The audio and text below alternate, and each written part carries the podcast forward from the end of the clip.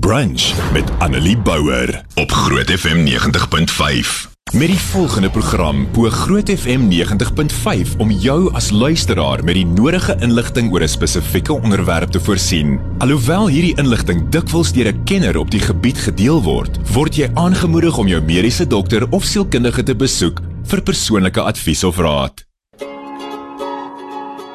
So as dit die eerste keer is wat jy hoor van hierdie insetsel, donderdag kyk ons oor die algemeen so bietjie meer na geestesgesondheid en ons probeer fokus om bietjie lig op onderwerpe te sit waaroor mense nie graag altyd wil praat nie, maar wat baie nodig is om oor te praat.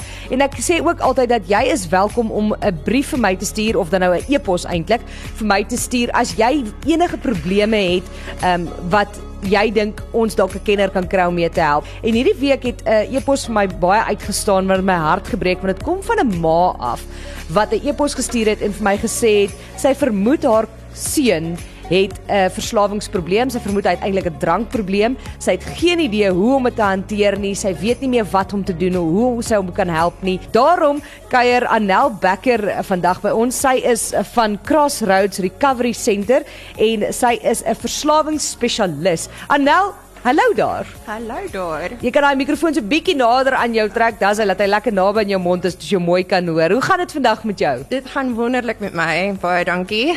ek is baie baie dankbaar dat jy hier is want soos ek sê, ek weet regtig nie veel van hierdie af nie mens. Wat ek daarvan weet is wat ek in flieks en series sien, as ek moet ja. eerlik wees.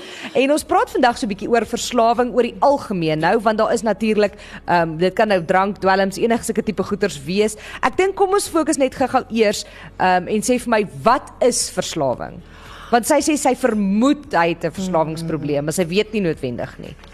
Okay, so ek gaan dit in baie eenvoudige terme probeer verduidelik sodat almal dit kan verstaan.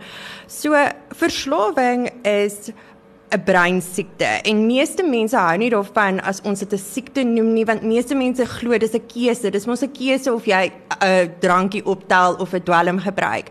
Maar eintlik is dit glad nie. Wat gebeur is jou brein word half gekaap en jou brein glo dat een van die belangrikste goeders vir vir jou vir jou oor oorlewing is om nog 'n drankie, nog 'n dwelm te kry. Dis 'n ongelooflike progressiewe um siekte. So wat mense sal agterkom is dit word erger.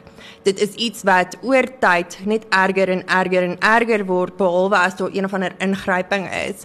Maar um jy weet dit is nie iets wat o, okay, hulle het op een stadium 'n probleem gehad en nou kan hulle dit hanteer nie. Dis 'n kroniese um siekte. Met ander woorde, as ek 'n verslawingsprobleem het, kan ek nie oor 5 jaar weer suksesvol drank gebruik of suksesvol, jy weet, dwelms gebruik nie. Dit is iets wat jy lewenslank mee sukkel in die in die sin van ek moet algeheel onthou van hierdie tipe van substances af of jy weet van hierdie tipe van middel af want anders te gaan ek weer daai verslawingsproses in in uh, aan die rol sit. Ja.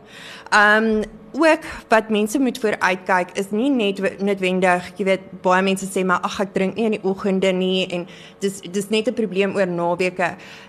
Waarna ons kyk is meer jou optrede wanneer die drank nie daar is nie, wanneer die middel, die dwelmmiddel nie daar is nie jy weet daar's 'n baie obsessiewe natuur aan iemand wat verslaaf is. Hulle jy weet ek het al gesien mense sal vir maande lank skoon bly soos wat ons sê, maar al wat hulle aan kan dink, al wat hulle jy weet um wil eintlik doen is om weer daai middel in die hande te kry. Ja, so dit gaan oor jy weet dis nie net die optrede van die hoeveelhede en so aan nie. Dit is dis daai heeltemal iets wat die persoon se lewe oorneem. En wanneer mense nou sê maar dis 'n keuse, hulle het nie mense het nie 'n keuse wanneer dit kom by wat hulle die heeltyd aan dink nie. Ja, op die ou einde van die dag is dit 'n keuse of jy iets optel of nie, maar daai obsessiewe breinpatrone is nie 'n keuse nie. Jy weet so ons um ons sien dat mense baie keer probeer baie hard probeer om weg te bly van drank af, om weg te bly van van dwelmmiddels af en dan is daar so klein bietjie stres of hulle kan net nie meer vashou nie en dan um, dan sal hulle relapse. So dit is wanneer ons kyk na verslawing, dit is 'n dis 'n hele proses om behandeling te kry. Dit is nie net weet jy kom nou net van die dwelms af, kom nou net van die alkohol af. Los dit net. Los dit net. Wat is wat en is en dan is dit nie meer 'n probleem nie. Eintlik begin baie mense se probleme wanneer hulle nie meer daai middel kan gebruik om hulle emosies in beheer te hou om om hulle lewens te lewe nie. Want vir 'n verslaafde is normaal eintlik ek is ek is op iets. Ja. Dis vir hulle die meeste normaalste ding. Vir hulle um, om nie op iets te wees nie is baie baie moeilik. Sjoe, ons weet nou verslawing het ons nou gesê dit is 'n 'n breinsiekte. Dit is 'n gesondheids geestesgesondheidsprobleem. Dis 'n siekte. Dis nie iets wat mense net kan los die party mense het regtig hierdie probleem. Hoe behandel 'n mens verslawing? Okay. So dis eintlik 'n baie groot vraag want daar is soveel um verskillende tipe behandelingsmetodes vir verslawing. Um wat ons wel gesien het, jy weet en en ek het nou al by 'n paar plekke gewerk en um baie mense probeer dit met medikasie behandel en ek dink medikasie kan 'n rol speel, maar eintlik hoe 'n mens verslawing uh, behandel is deur rehabilitasie te kry. Um ek ek verduidelik altyd vir mense, verslawing is soos jy wil 'n mes in jou kop insteek, jy het jou brein baie seer gemaak en dan gaan jy na die dokter toe en sê, "Kan jy vir my 'n pilletjie gee vir dit?" En dit is net nie moontlik nie. Jy weet, dis 'n heeltemal ander manier van lewe.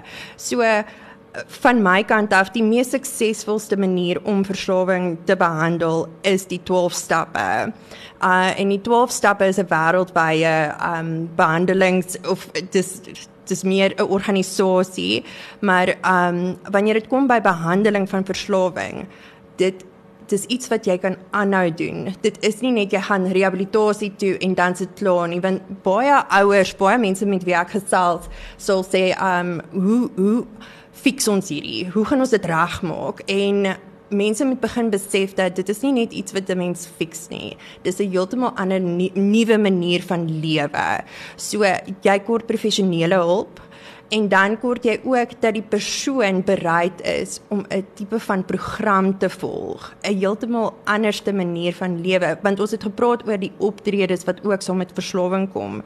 En 'n mens moet ook kyk na daai optredes. En die 12 stappe is baie goed daarmee. So dis die mees suksesvolste een wat ek al gesien het, maar daar is, jy weet, daar's baie mense wat in terapie ingaan. Daar's baie mense wat na godsdiens toe, um jy weet, gaan gaan en daar is verskillende maniere daar's soos hierdie is 'n ontwikkelende veld so daar's baie mense wat met nuwe maniere opkom.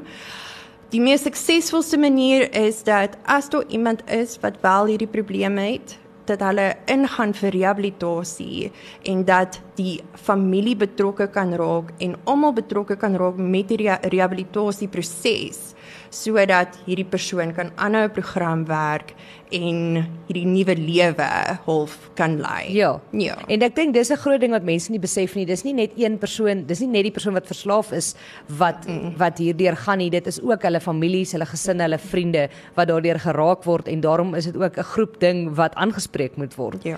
Wat ek graag wil weet is, kry mense nou verskillende soorte verslawings en hoe verskil dit as as mens doen?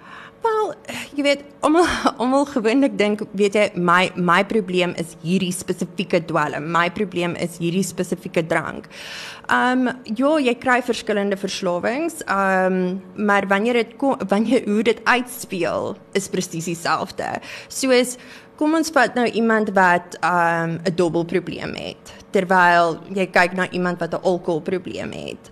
Ja, dis verskillende tipe goeters wat hulle doen, maar dit speel dieselfde uit. Daai obsessiwiteit speel dieselfde uit. Hulle hulle lewens ontrafel in amper presies dieselfde manier. Mm. Dit dis vir my so um opvallend dat ek kan um in 'n groep sit met iemand wat 'n dubbelprobleem het, iemand wat 'n uh, drankprobleem het, iemand wat aan heroïne verslaaf is en hulle almal half die optredes is maar dieselfde. So wanneer ons kyk na die verskillende tipe van verslawings, um jy weet is daar baie keer 'n misverstand want nou nou sal jy soos iemand kry wat um wat verslaaf is aan dwelms en hulle sal sê maar dit beteken ek kan nog 'n drankie drink maar ongelukkig omdat dit nie die middel is wat die probleem is nie.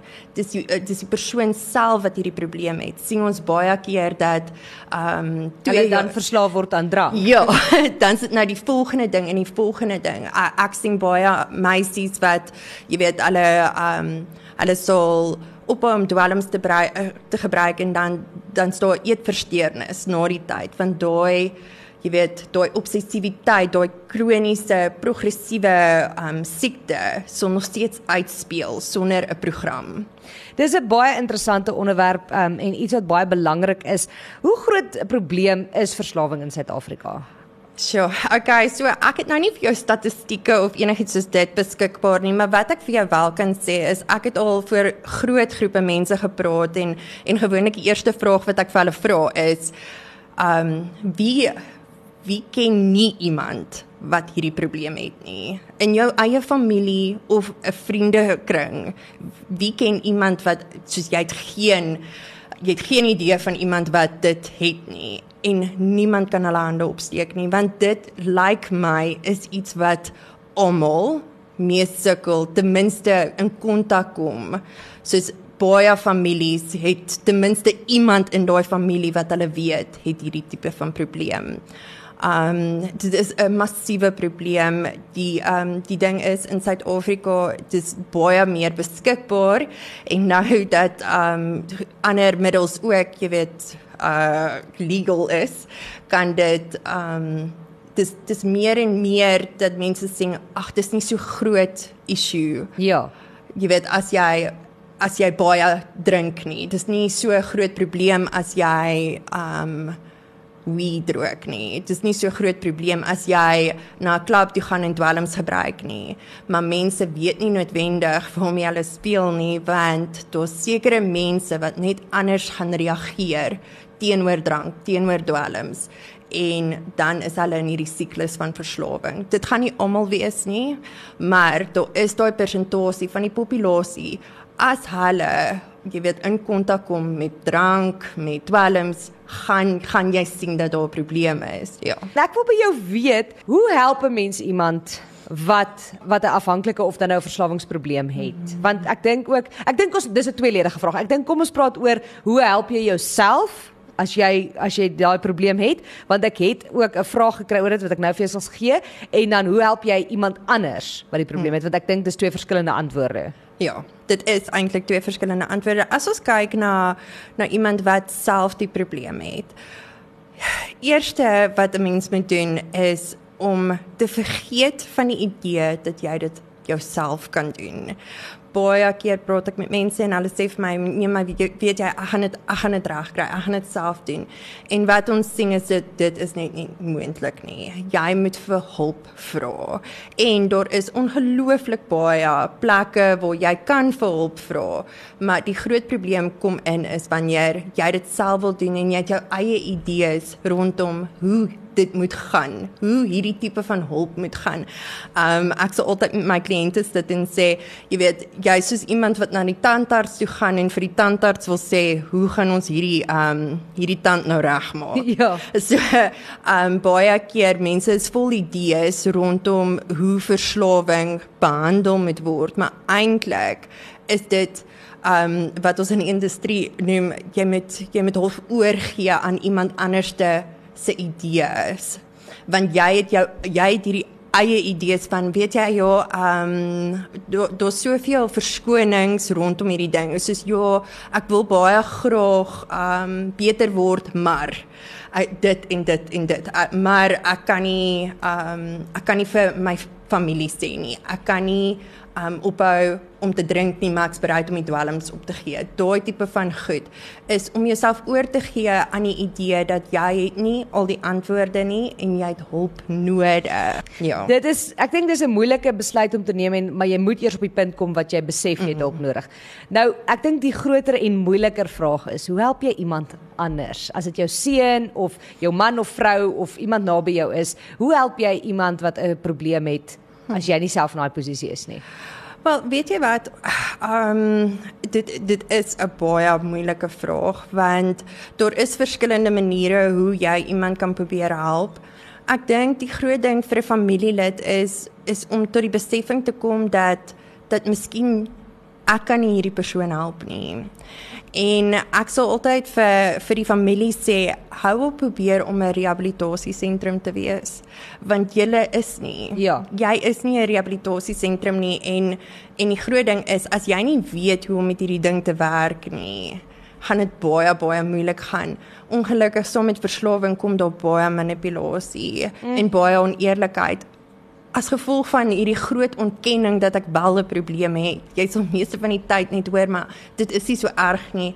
Dit ehm um, jy weet ek kan enige tyd ophou sulke tipe van goed en en dit is net nie dit is net nie moontlik nie. Wanneer iemand wat hierdie probleem het so iets vir jou sê, beteken dit hulle weet ook nie regtig wat verslawing is nie. Want ja, jy mag dalk wil ophou en ek glo dit in my hart, ek glo dit baie mense wil ophou. Ja. Dis meer 'n ding van ek kan nie. So, wanneer dit kom by by by wat die familielede moet doen is hulle moet ophou om iemand te help in die afgrond in. Hou op om vir mense blyplek te gee, geld te gee, al hierdie tipe van en dis die moeilikste, ja. hè, want dit jy voel jy help en jy mm. wil hulle nie net op hulle eie los nie, maar ja.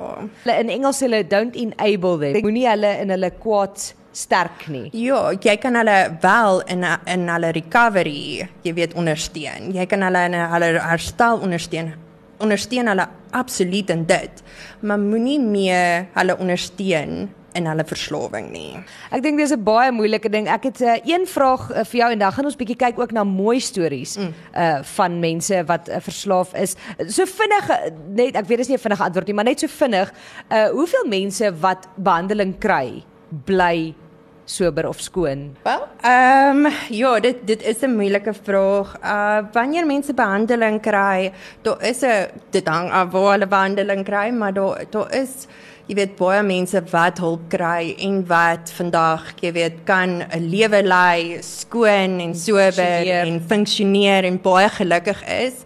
Ek dink die groot ding is ehm um, wat afhang daarvan af is doen jy die dinge wat jy geleer het in die rehabilitasiesentrum doen jy die dinge as jy nou vir daai hulp gevra het kan jy actually jouself oorgee en daai hulp aanvaar en die dinge doen wat of vir jou gesê word om te doen.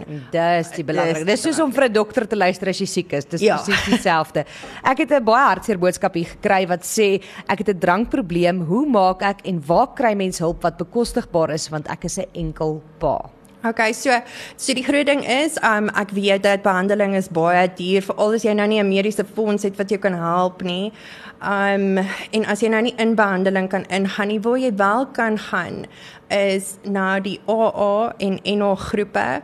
Heidiglik met die COVID ding is dit alles um online, maar daar is vir jou hulp daar en dis verniet. En jy kan net aansluit by by hierdie groepe en vir jou wat hulle noem 'n sponsor kry en dan jy weet jy kan begin met 'n herstelproses in daai opsig.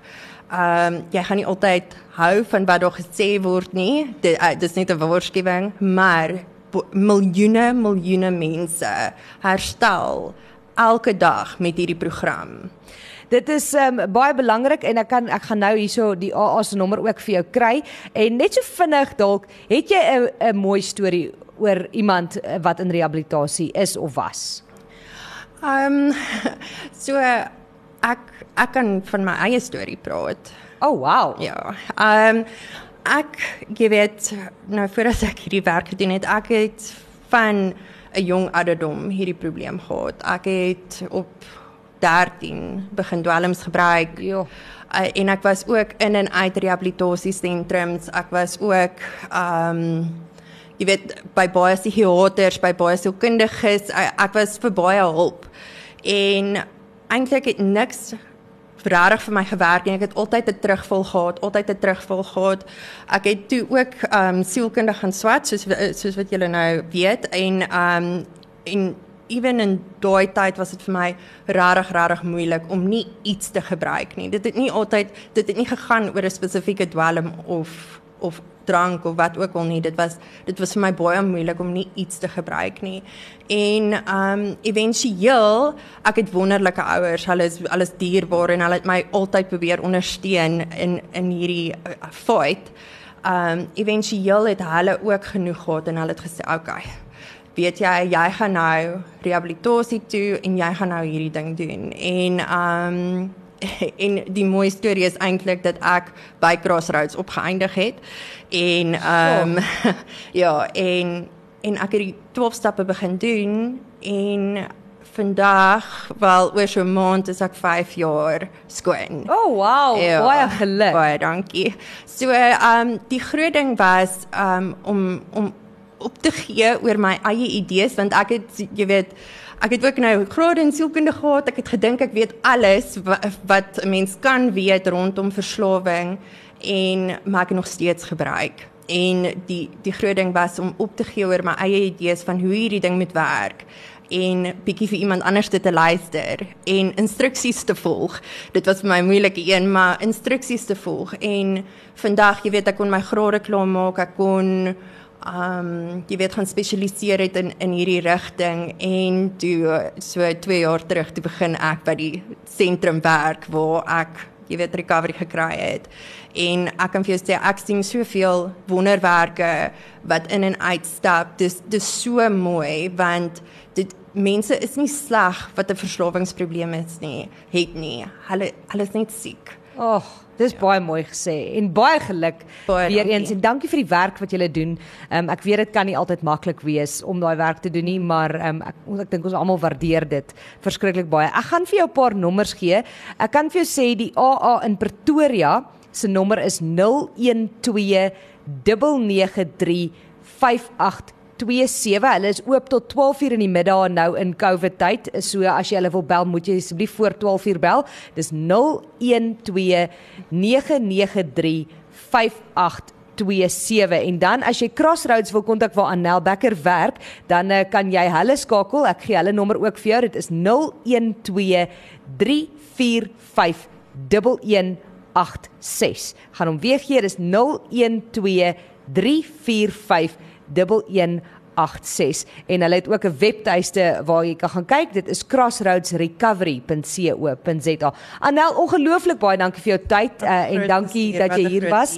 en ek het baie geleer en ek hoop regtig dat dit gaan uh, iets beteken vir iemand daar buite wat dalk die hulp nodig het wat hulle nie geweet het hoe om te kry nie. So baie dankie.